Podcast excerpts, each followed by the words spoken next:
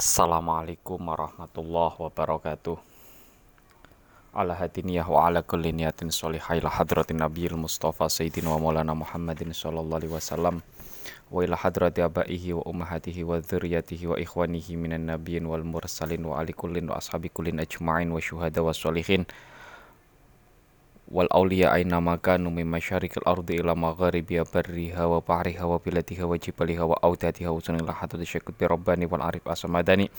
Syadul qadir al jilani wa syabil hasan asyadili wa syabi zakaria an nawawi wa syabi hamid al ghazali wa syabi hamid al ghazali wa syabi yazid al bustami wa syabdul asyarani wa syarif hidayatullah gunung jati wa syamutamakin kajan pati wa jamil awliya itisafil jawi radiyallahu anhum. Ma'adallah alaina min barakatihim wa wa syafaatihim wa ila hadrati abaina wa ummahatina wa ajdadina wa jaddatina wa akhalina wa khalatina wa amamina wa ammatina wa masyayikhina wa ma'alifil kutub allati ta'allamna wa 'allamnaha.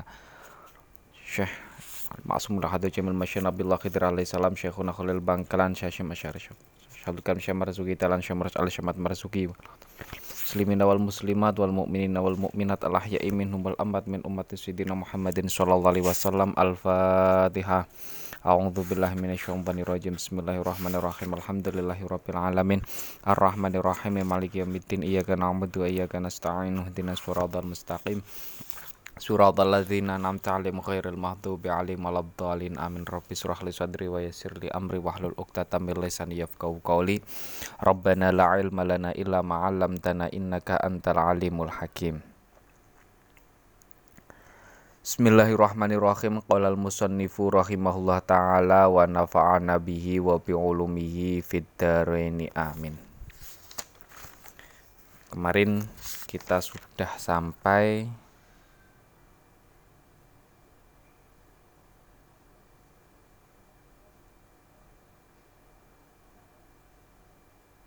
wa ala alihi wa sahbihi as-sabirina as-sadiqina wal qanitina wal munfikina wal mustaghfirin bil ashar gitu ya. Bismillahirrahmanirrahim. Wa ala alihi dan kepada keluarganya Nabi. Salawat dan salam semoga tetap tercurahkan kepada keluarganya Nabi ya.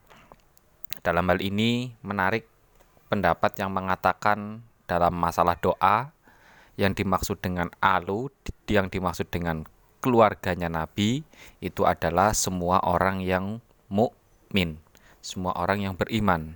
Nah, tidak harus me, tidak harus memiliki nasab yang bersambung dengan Nabi, tapi semua orang yang beriman dengan kepada Nabi itu termasuk keluarga nah, Nabi Alu Muhammadin At-Taqiyu.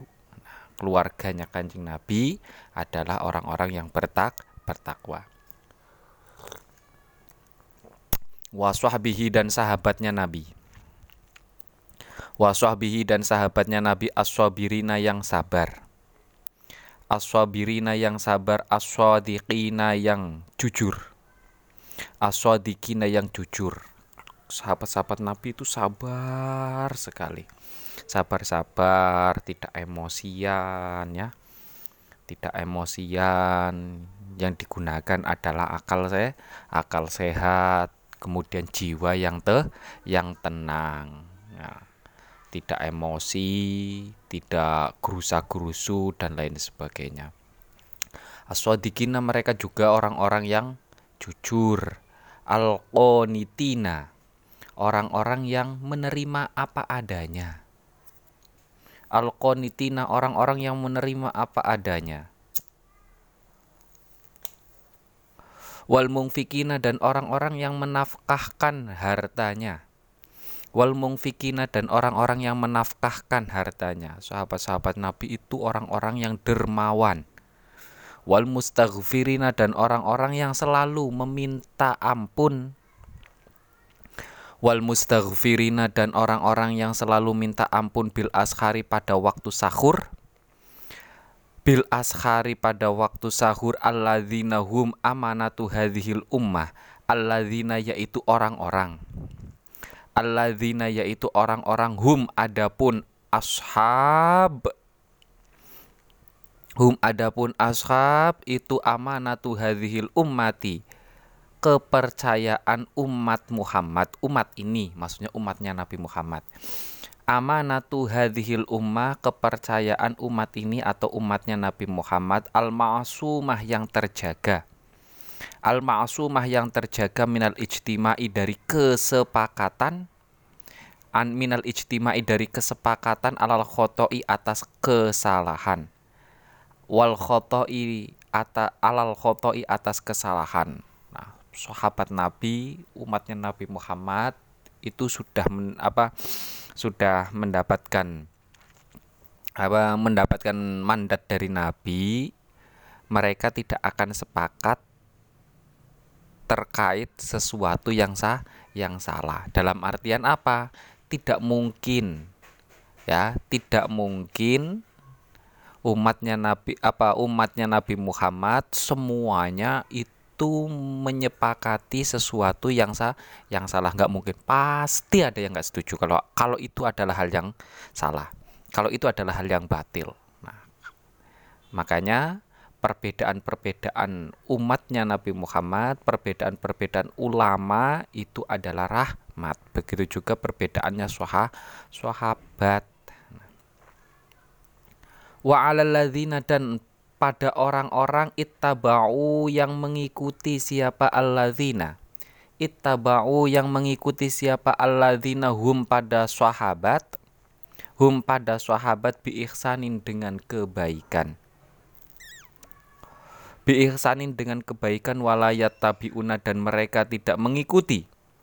Walayat tabiuna dan mereka tidak mengikuti khutuwati syaitoni pada langkah-langkah setan khutwati syaitoni pada langkah-langkah setan salawat dan salam juga semoga tetap tercurahkan kepada orang-orang yang masih mau mengikuti jejak langkah yang telah dicontohkan oleh soha, sahabat. Yang dilakukan oleh nabi oleh sahabat itu mencontoh kepada nabi. Berarti mencontoh pada sahabat adalah mencontoh kepada na, nabi sahabat memiliki murid, murid, murid, murid, murid, murid. Nah, ini yang akhirnya menjadi ula, ulama-ulama pada masanya masing-masing. Ada Imam Ash-Syafi'i, ada Imam Hanafi, ada Imam Anas bin Malik, ada Imam Al-Ghazali, ada Imam Hasan Al-Basri, ada Imam Abu Hasan Al-Ash'ari, Abu Mansur Al-Maturidi, dan lain sebagainya. Wa ba'du falamma ra'aitu falamma ra'aitu ketika saya menyaksikan. Falamma ra'aitu ketika saya menyaksikan masih sahajati ikhwani tolabah. Persentuhan kebutuhan masih sahajati ikhwani. Persentuhan kebutuhan saudara-saudaraku persentuhan kebutuhan saudara-saudaraku atolabati yang menuntut ilmu. Atolabati yang menuntut ilmu bil ma'hadil islami di pondok pesantren bi ma'hadil islami kerapyak di pondok pesantren kerapyak khususon khususnya khususon khususnya wa ghairihim dan selainnya at-tolabah bil ma'had al-islami krapyak wa ghairihim dan selainnya at-talabah bil ma'had al-islami krapyak min amsali dari orang-orang yang sama denganku. Min amsali dari orang-orang yang sama denganku al-qasirina yang sembrono. Al-qasirina yang sembrono umuman secara umum ila bayani ila bayani untuk menjelaskan. Untuk menjelaskan. Nah kesadarannya kesadaran yang membangun Syekh Ali Maksum dalam menulis kitab ini ya kan? Itu adalah ada faktor internal dan ada faktor eksternal. Faktor yang dekat dan faktor yang jauh. Faktor yang dekat itu adalah Kiai Maksum pada waktu itu menjadi sosok kiai di pondok pesantren Krapyak Yogyakarta. Ya kan? Banyak menyaksikan santrinya oh ada beberapa tema-tema yang penting untuk dijelaskan. Ada beberapa tema-tema penting yang perlu untuk ditulis ya, untuk dijelaskan, untuk disampaikan kepada halayak lu luas. Nah, akhirnya beliau menulis kitab ini. nanti ya kan nanti permasalahan-permasalahannya ini adalah berangkat dari permasalahan-permasalahan sosial, permasalahan-permasalahan yang ada di sekitar sekitar sekitar beliau khususnya pada zaman waktu i waktu itu. Apa? Permasalahan-permasalahannya amsilati ila bayani amsilatin minal masa ili allati layam baghita badulul ingkari fiha ila bayani amsilatin untuk menjelaskan contoh ila bayani amsilatin untuk menjelaskan contoh minal masa ili dari beberapa masalah. Minal masa ili dari beberapa masalah la yang bagi yang tidak sepatutnya. La yang bagi yang tidak sepatutnya apa tabadulul ingkari untuk diingkari?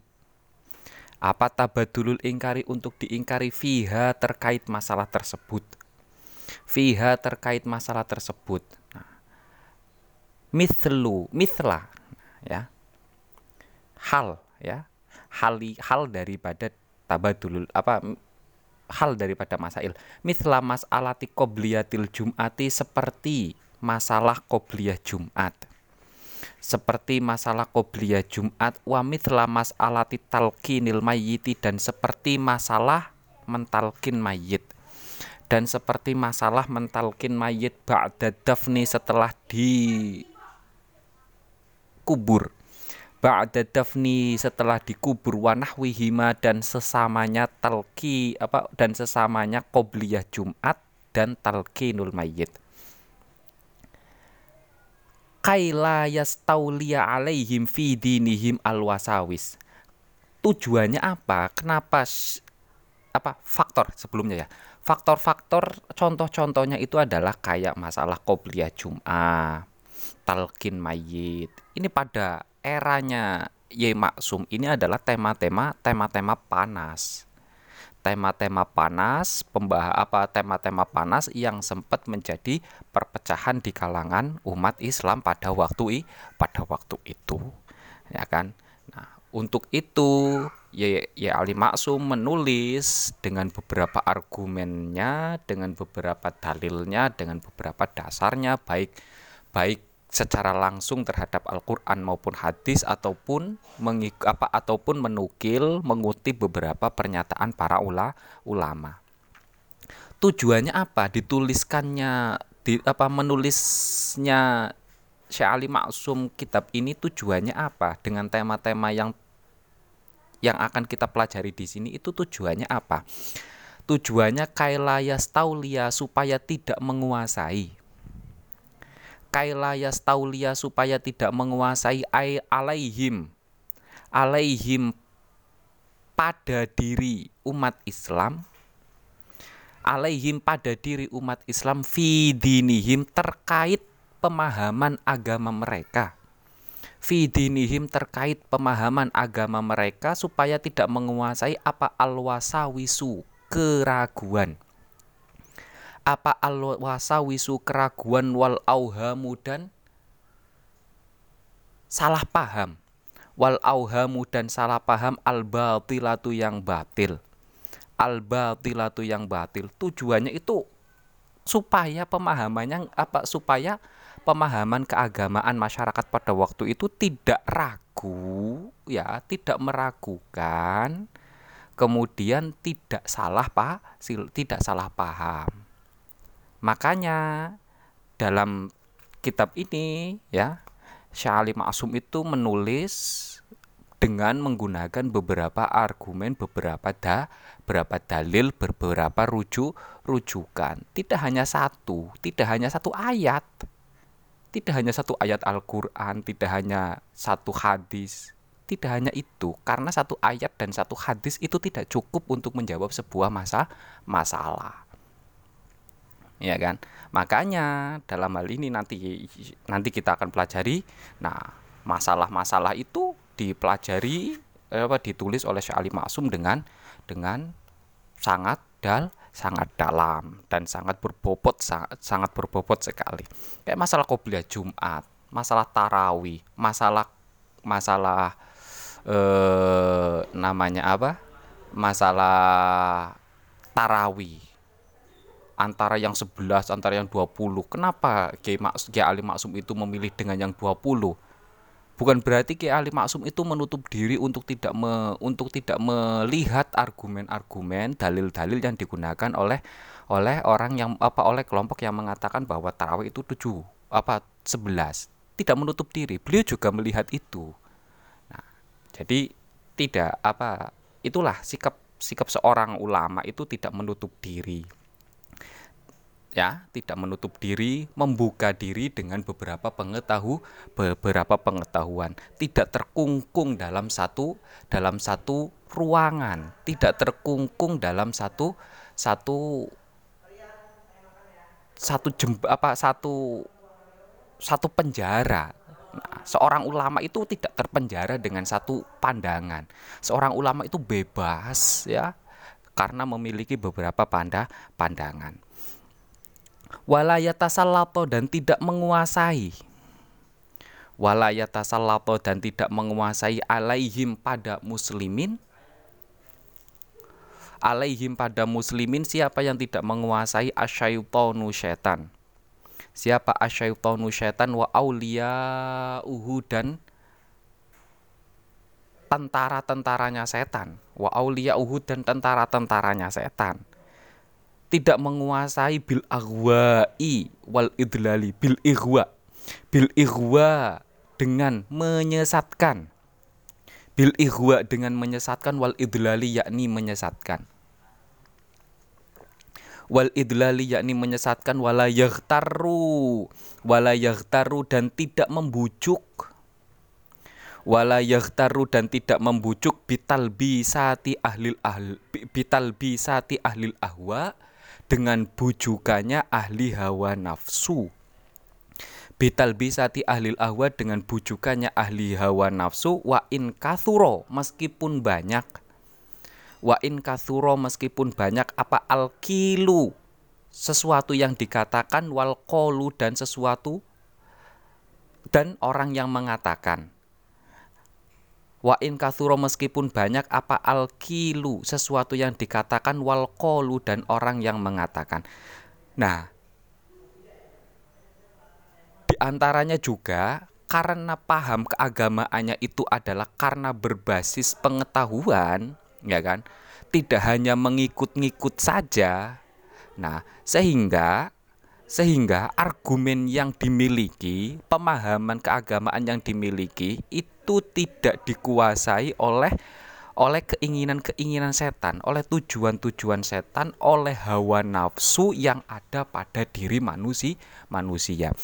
Itu yang berat. Itu yang berat, itu tantangannya. Jadi jadi seorang agamawan itu tidak boleh menyampaikan pendapatnya berdasarkan hawa nafsu. Tidak boleh. Karena konsekuensinya adalah menyesatkan baik diri sendiri ataupun orang lah orang lain. Itu permasalahannya. Makanya ahlul ahwa ini mendapatkan kritikan ker apa ahlul ahwa ya kan? Ini mendapatkan kritikan keras dari beberapa ula, ulama. Oh, sosok yang mengatakan berpengetahuan namun motifnya adalah hawa nafsu itu mendapatkan kritikan keras oleh beberapa ula, ulama. Bahkan mayoritas para ulama ulama usolih ulama ul kholisin ya. Ulama-ulama yang mukhlis orang ulama-ulama yang ikhlas ulama-ulama yang benar-benar mengabdikan dirinya untuk pengetahuan mengabdikan dirinya untuk menyampaikan pemahaman pemaha apa pemahaman pemahaman tentang keagama keagamaan. Berat. Jadi seorang ulama itu memiliki musuh memiliki musuh yang banyak. Musuh yang paling berat adalah musuh yang ada dalam dirinya sendiri yaitu hawa na, hawa nafsu.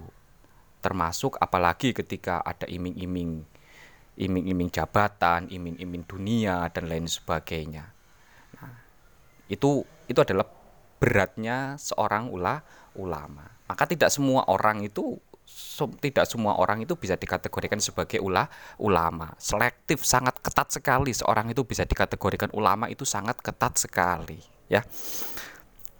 wa dan mereka mengetahui wa ya'lamu dan mereka mengetahui hakon secara nyata hakon secara nyata annama bahwa pengetahuan annama bahwa pengetahuan alaihi alaihi as-salafu soleh alaihi yang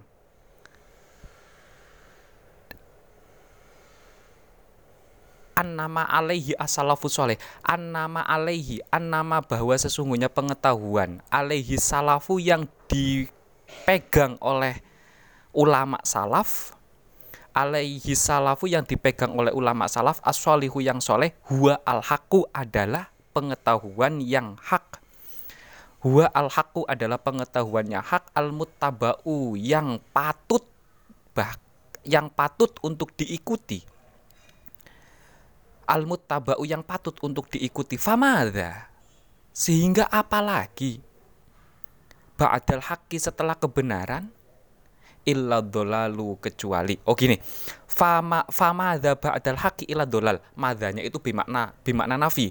Famadha ba'dal haqqi tidak ada sesuatu setelah kebenaran Famadha ba'dal haqi tidak ada sesuatu setelah kebenaran illa dolalu kecuali kesesatan. Illa dolalu kecuali kesesatan. Nah, inilah komitmen kuatnya Imam eh, Syekh Maksum Al apa Syekh Ali Maksum dalam menulis buku ini, ya kan? Tidak mengandalkan pemikirannya sendiri. Beliau itu sadar kalau beliau itu berada di apa beliau itu lahir dari tokoh-tokoh be, tokoh-tokoh besar. Sehingga beliau tidak melupakan jasa dan pengetahuan tokoh-tokoh sebelumnya. Makanya beliau tidak mengandalkan Quran dan hadis.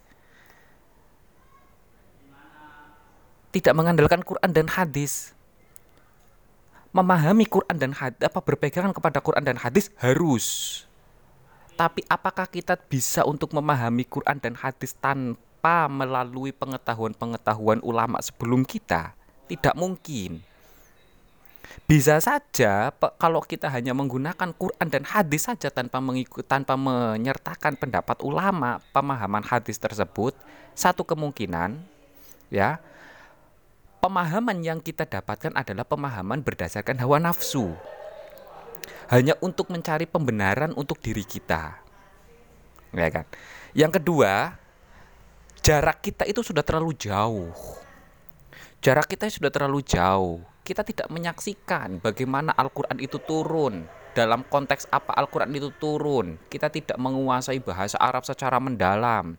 Ya, kita tidak menguasai kaidah tafsir secara mendalam, kaidah hadis secara mendalam, tidak mengetahui apa kualitas hadis secara mendalam, apakah ini hadis sahih atau hadis tidak, usul fiknya tidak terlalu mendalam, bagaimana bisa berpegangan kepada Quran dan hadis langsung? Otomatis kita berpegangan kepada para ula, ulama. Bagaimana ulama itu memahami hadis? Bagaimana Asyafi'i memahami hadis inama a'malu niat? Oh, Imam Asyafi'i memahami hadis inamal a'malu niat menyimpulkan suatu ibadah yang tidak di apa yang tidak diawali dengan niat maka ibadahnya tidak sah Nah, itu menurut Imam Asy-Syafi'i. Ternyata Imam Abu Hanifah berbeda memahaminya. Innamal amalu binniyat itu kesempurnaan ibadah itu ketika ibadah tersebut diawali dengan ni niat. Jadi ada kata kamalul ibadah. Ya kamalul ibadah innama e innama kamalul ibadah bin niat. Sesungguhnya kesempurnaan ibadah itu adalah dengan niat. Itu adalah pemahaman dari Imam Asy-Syafi'i dan pemahaman daripada Imam Abu Hani Hanifah. Apakah kita bisa mendeteksinya itu? Ya kalau pengetahuan bahasa Arab kita rendah, pengetahuan alat-alatnya kita rendah, pengetahuan metodologi kita rendah, ya kita tidak bisa menyentuh itu kita bisa menyentuh itu kalau kita memiliki kapasitas yang ku yang kuat, disiplin ilmu yang lu luas, disiplin ilmu yang ka yang kaya. Jamak tu saya mengumpulkan.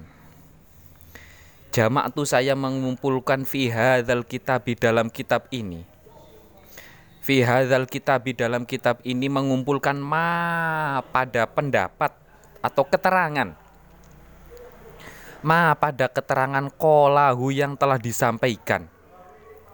Qalahu yang telah disampaikan asatinul ulama asatinul ulama oleh ulama-ulama oleh rajanya para raja-rajanya para ulama. Oleh raja-rajanya para ulama al-alami yang sangat alim. Al-alami yang sangat alim wa akabiri rijalil islami dan pembesar tokoh-tokoh Islam. Wa akabiril islami dan pembesar tokoh-tokoh Islam. Ya kan? Sekelas Ali Maksum saja itu ketika menulis kitab ini itu mengutip berpijak pada pendapat pada pengetahuan, pada informasi yang telah disampaikan oleh tokoh-tokoh besar sebelumnya, Imam Ash-Syafi'i, Imam Abu Hanifah, Imam Ab Imam Al-Ghazali ya. Imam Abu Hasan Al-Ash'ari, Abu Mansur Al-Maturidi, Fakhruddin Ar-Razi, ya kan? Dan lain sebagainya banyak kaya sekali. Idla sabila karena tidak ada jalan. Idla sabila karena tidak ada jalan limitli bagi orang sepertiku. Limitli bagi orang sepertiku al-qasiri, al-qasiri yang sembrono Al-Qasiri yang sembrono fi hadzal amri dalam masalah ini fi hadzal amri dalam masalah ini illal jam'a kecuali mengumpulkan illal jam'a kecuali mengumpulkan wan naqla dan menukil atau mengutip. Iwan dan mengutip atau menukil min ibaratiha ulail kiromi dari pernyataan-pernyataan orang-orang mulia tersebut. Dari pernyataan-pernyataan orang-orang mulia tersebut wal i'timada dan berpegang teguh wal i'timada dan berpegang teguh alaihim pada mereka. Alaihim bagi mereka ala ani atas dasar sesungguhnya saya. Ala ani atas dasar sesungguhnya saya itu lam akun tidak ada.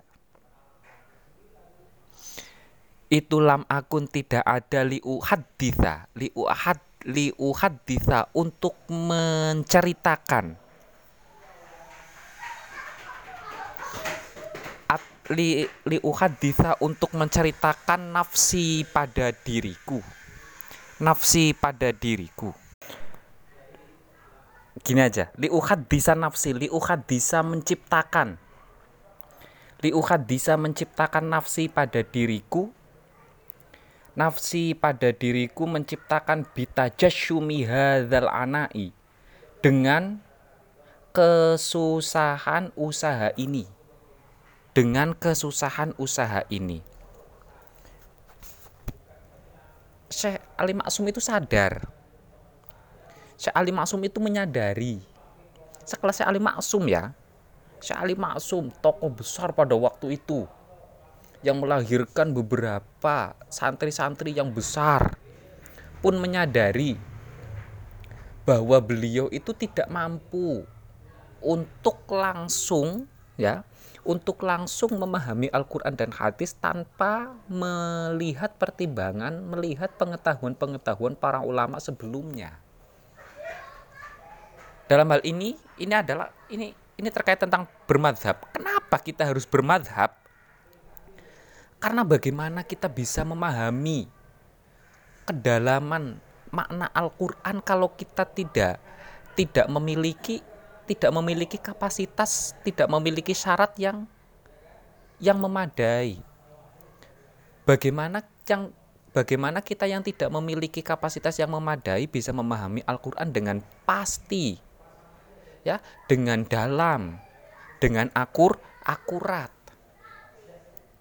hanya dengan mengetahui terjemahan Al-Qur'an kita langsung me, apa langsung berpandangan, langsung berpendapat kalau ini tidak boleh, kalau ini boleh, kalau ini tidak boleh, hanya ini boleh. Hanya mengandalkan terjemah, hanya mengand, hanya mengandalkan satu dua ayat, hanya mengandalkan satu dua hadis, langsung mengklaim itu adalah pemahaman yang semestinya tanpa mempertimbangkan bagaimana ulama dalam apa bagaimana ulama-ulama dulu memahami hadis itu. Ya kan? Sementara ulama-ulama dulu ketika memahami satu hadis saja itu pertimbangannya dengan beberapa hadis. Mempertimbangkan dari beberapa, mempertimbangkan bagaimana kaidah bahasanya. Ini hakikat apa ini majas?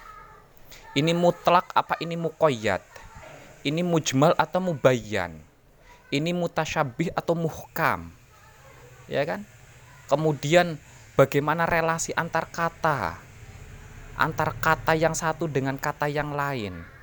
Bagaimana asbabun nuzulnya, bagaimana asbabul wurudnya, dan lain sebagainya. Begitu kaya, begitu dalam. Nah, makanya makanya kita tidak bisa memahami itu semuanya. Kalau kita kapasitas keilmuan kita ya bahasa Arab juga masih segini gitu loh. Bahasa Arab juga masih rendah, apalagi ulumul Qur'annya, apalagi hadisnya hadisnya juga ada beberapa cabangannya bagaimana jarhu wa ta'adilnya dan lain sebagainya. Itu terlalu dah terlalu dalam. Sekelasnya Ali Masum pun menyadari begitu. Makanya beliau mengutip beberapa pendapatnya para ulama terkait pemahaman hadis terse tersebut ya. Laula akhrajahu al khatibu al baghdadi fil jami wa ghairihi annahu qala idza dhaharatil fitan awil au qala al bida wa subba ashabi fal yudhir al alim ilmah. Laula akhrajahu.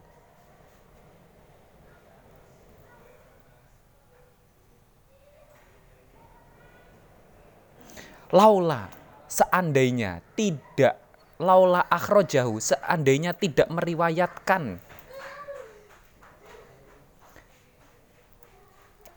Siapa Al-Khotibu Al-Baghdadi, Imam Khotib Al-Baghdadi? Siapa Al-Khotibu Al-Baghdadi, Imam Khotib Al-Baghdadi fil jami dalam kitab jamiknya ya. Jamiknya Khotib Al-Baghdadi wa ghairihi dan selainnya kitab jamik annahu bahwa sesungguhnya Nabi itu kola bersabda siapa Nabi? Idza dhoharotil fitan Idza dhoharot ketika tampak nyata Ida zoharot ketika tampak nyata apa alfitanu fitnah apa alfitanu fitnah aukola atau mengucapkan siapa nabi? Kalau ada begini ida zoharotil fitan aukola albida berarti perawi itu ragu. Ya perawi itu ragu. Yang benar itu fitan atau bidak ya. Ida zoharotil fitan atau ida zoharotil bidau perawi ragu makanya disebutkan semua semuanya. Aukola atau bersabda siapa Nabi? Al bidau apa al bidau bid'ah? Apa al bidau bid'ah? Wasubba dan dicela. Wasubba dan dicela siapa ashabi sahabat-sahabatku? Siapa ashabi sahabat-sahabatku? Fal yudhir maka tampakkanlah fal maka tampakkanlah siapa al-alimu. Siapa al-alimu orang alim? Siapa al-alimu orang alim? Ilmahu pada ilmunya alim. Ilmahu pada ilmunya alim. Karakternya orang alim itu akan menyem, apa akan menutupi kealimannya. Karena ketika orang merasa tahu ya kan? Orang merasa tahu dirinya maka dia akan merasa bahwa apa yang pengetahuan yang dia dapatkan, pengetahuan yang dia kuasai itu hanyalah sedih, sedikit, tidak sebera, seberapa. Itu al-alim. Makanya beda alim dengan al-alim. Al-alim itu lebih spesifik ya. Bukan hanya orang yang berpengetahuan, bukan hanya orang yang memiliki pengetahuan. Al-alim itu adalah orang yang memiliki pengetahuan yang luas, lagi Begitu juga dia menyadari dirinya sebagai hamba yang tidak memiliki apa-apa. Itu karakter orang alim. Namun eh, makanya karakter orang alim itu tidak akan menampakkan dirinya bahwa dia adalah orang yang tahu. Orang alim akan menutupi dirinya seolah-olah dia itu nggak tahu sama sekali. Nah, kemudian ada momen di mana orang alim ya orang alim itu harus me apa harus me, menampakkan harus menunjukkan bahwa menunjukkan pengetahuan-pengetahuan yang telah dia dapatkan. Nah, momen itu adalah ketika fitnah-fitnah itu sudah merajalela. Ketika bid'ah-bid'ah itu sudah merajalela, merajalela. Orang alim wajib untuk menyampaikan, untuk menunjukkan kealiman, kealimannya. Nah, ini relasinya adalah dengan salah satu hadis Nabi ya. Saya kunu fi akhir zaman, pada akhir zaman nanti ya akan muncul orang yang sering ngomong tapi tidak memiliki pemahaman banyak orang yang sering ngomong tapi tidak memiliki pemahaman yang dalam. Nah, pada pada era ini, pada waktu ini orang alim itu harus muncul, harus menunjukkan, harus menampakkan dirinya, harus menampakkan kepada orang lain, harus menyampaikan kepada orang lain ilmu-ilmu yang telah dia dapat dapatkan. Ilmu-ilmu yang telah dia kuasa kuasai. Karena ini adalah zaman-zamannya fitnah. Zamannya orang banyak ngomong tapi tidak punya tendensi hanya banyak orang ngomong hanya mengandalkan satu dalil. Banyak orang ngomong hanya mengikuti hawa nafsu. Banyak orang ngomong hanya mengikuti kepentingan kepentingan dirinya ya kepentingan hawa nafsunya kepentingan dunia duniawi. Nah, ini ini zaman-zaman yang berbahaya. Makanya orang alim ya wajib untuk menunjukkan ke apa wajib untuk menyampaikan menyebar apa wajib untuk menyampaikan pengetahuannya untuk meluruskan umat yang sedang kacau seperti seperti ini. Faman barang siapa itu lam yaf'al tidak melakukan Zalika pada hal tersebut Nah ketika sudah banyak fitnah Kok orang alim Orang alim kok tidak mau menunjukkan eksistensi kealimannya Fa'alaihi maka baginya Laknatullahi laknatnya Allah wal malaikati dan malaikat Wan nasi ajma'ina dan seluruh manusia. La wa awan nasi ajmaina dan seluruh manusia. Inilah di antara di antara yang menyebabkan Syekh Syekh Ali Maksum itu menulis kitab ini. Di eranya Syekh Ali Maksum eh, Syekh Ali Maksum menyadari kalau zamannya itu sudah banyak fitnah sudah banyak bid'ah nah Syekh Ali Maksum nggak bisa diam diri makanya beliau itu menunjukkan beliau itu menyampaikan pengetahuan-pengetahuan yang sudah beliau pelajari, yang sudah beliau kuasa kuasai. Yang pengetahuannya beliau itu begitu dah dalam. Ya. Kalau ya Ali Maksum kalau kalau nggak ada hadis ini kalau nggak ada hadis ini ya Ali Maksum pun nggak akan menulis begini. Karena ya Ali Maksum menulis ini bukan untuk mencari reputasi, bukan untuk mencari nama, tidak. Karena si Ali Maksum menulis ini adalah berangkat dari kesadaran tanggung jawab sebagai orang yang telah ditentukan oleh Allah sebagai orang al orang alim. Ali Maksum itu tawaduknya itu besar, tinggi, tidak pernah ingin ditonjolkan, tidak pernah untuk tidak pernah ingin untuk dihormati dan lain sebagainya. Apalagi kekayaan dan lain sebagainya. Nggak ada nggak ingin nggak nggak mengharapkan itu semua semuanya. Ya. Itu di antara motifnya. Mungkin cukup sekian nanti kita akan lanjutkan dalam pertemuan selanjutnya. Semoga apa yang kita pelajari bisa bermanfaat. Alhamdulillahirabbil alamin. Allahumma inna nastauti'uka ma'alam tanah fardud ilaina indah hajatina ilaihi ya rabbal alamin. Kurang lebihnya mohon maaf. Bila taufik wal hidayah. Wassalamualaikum warahmatullahi wabarakatuh.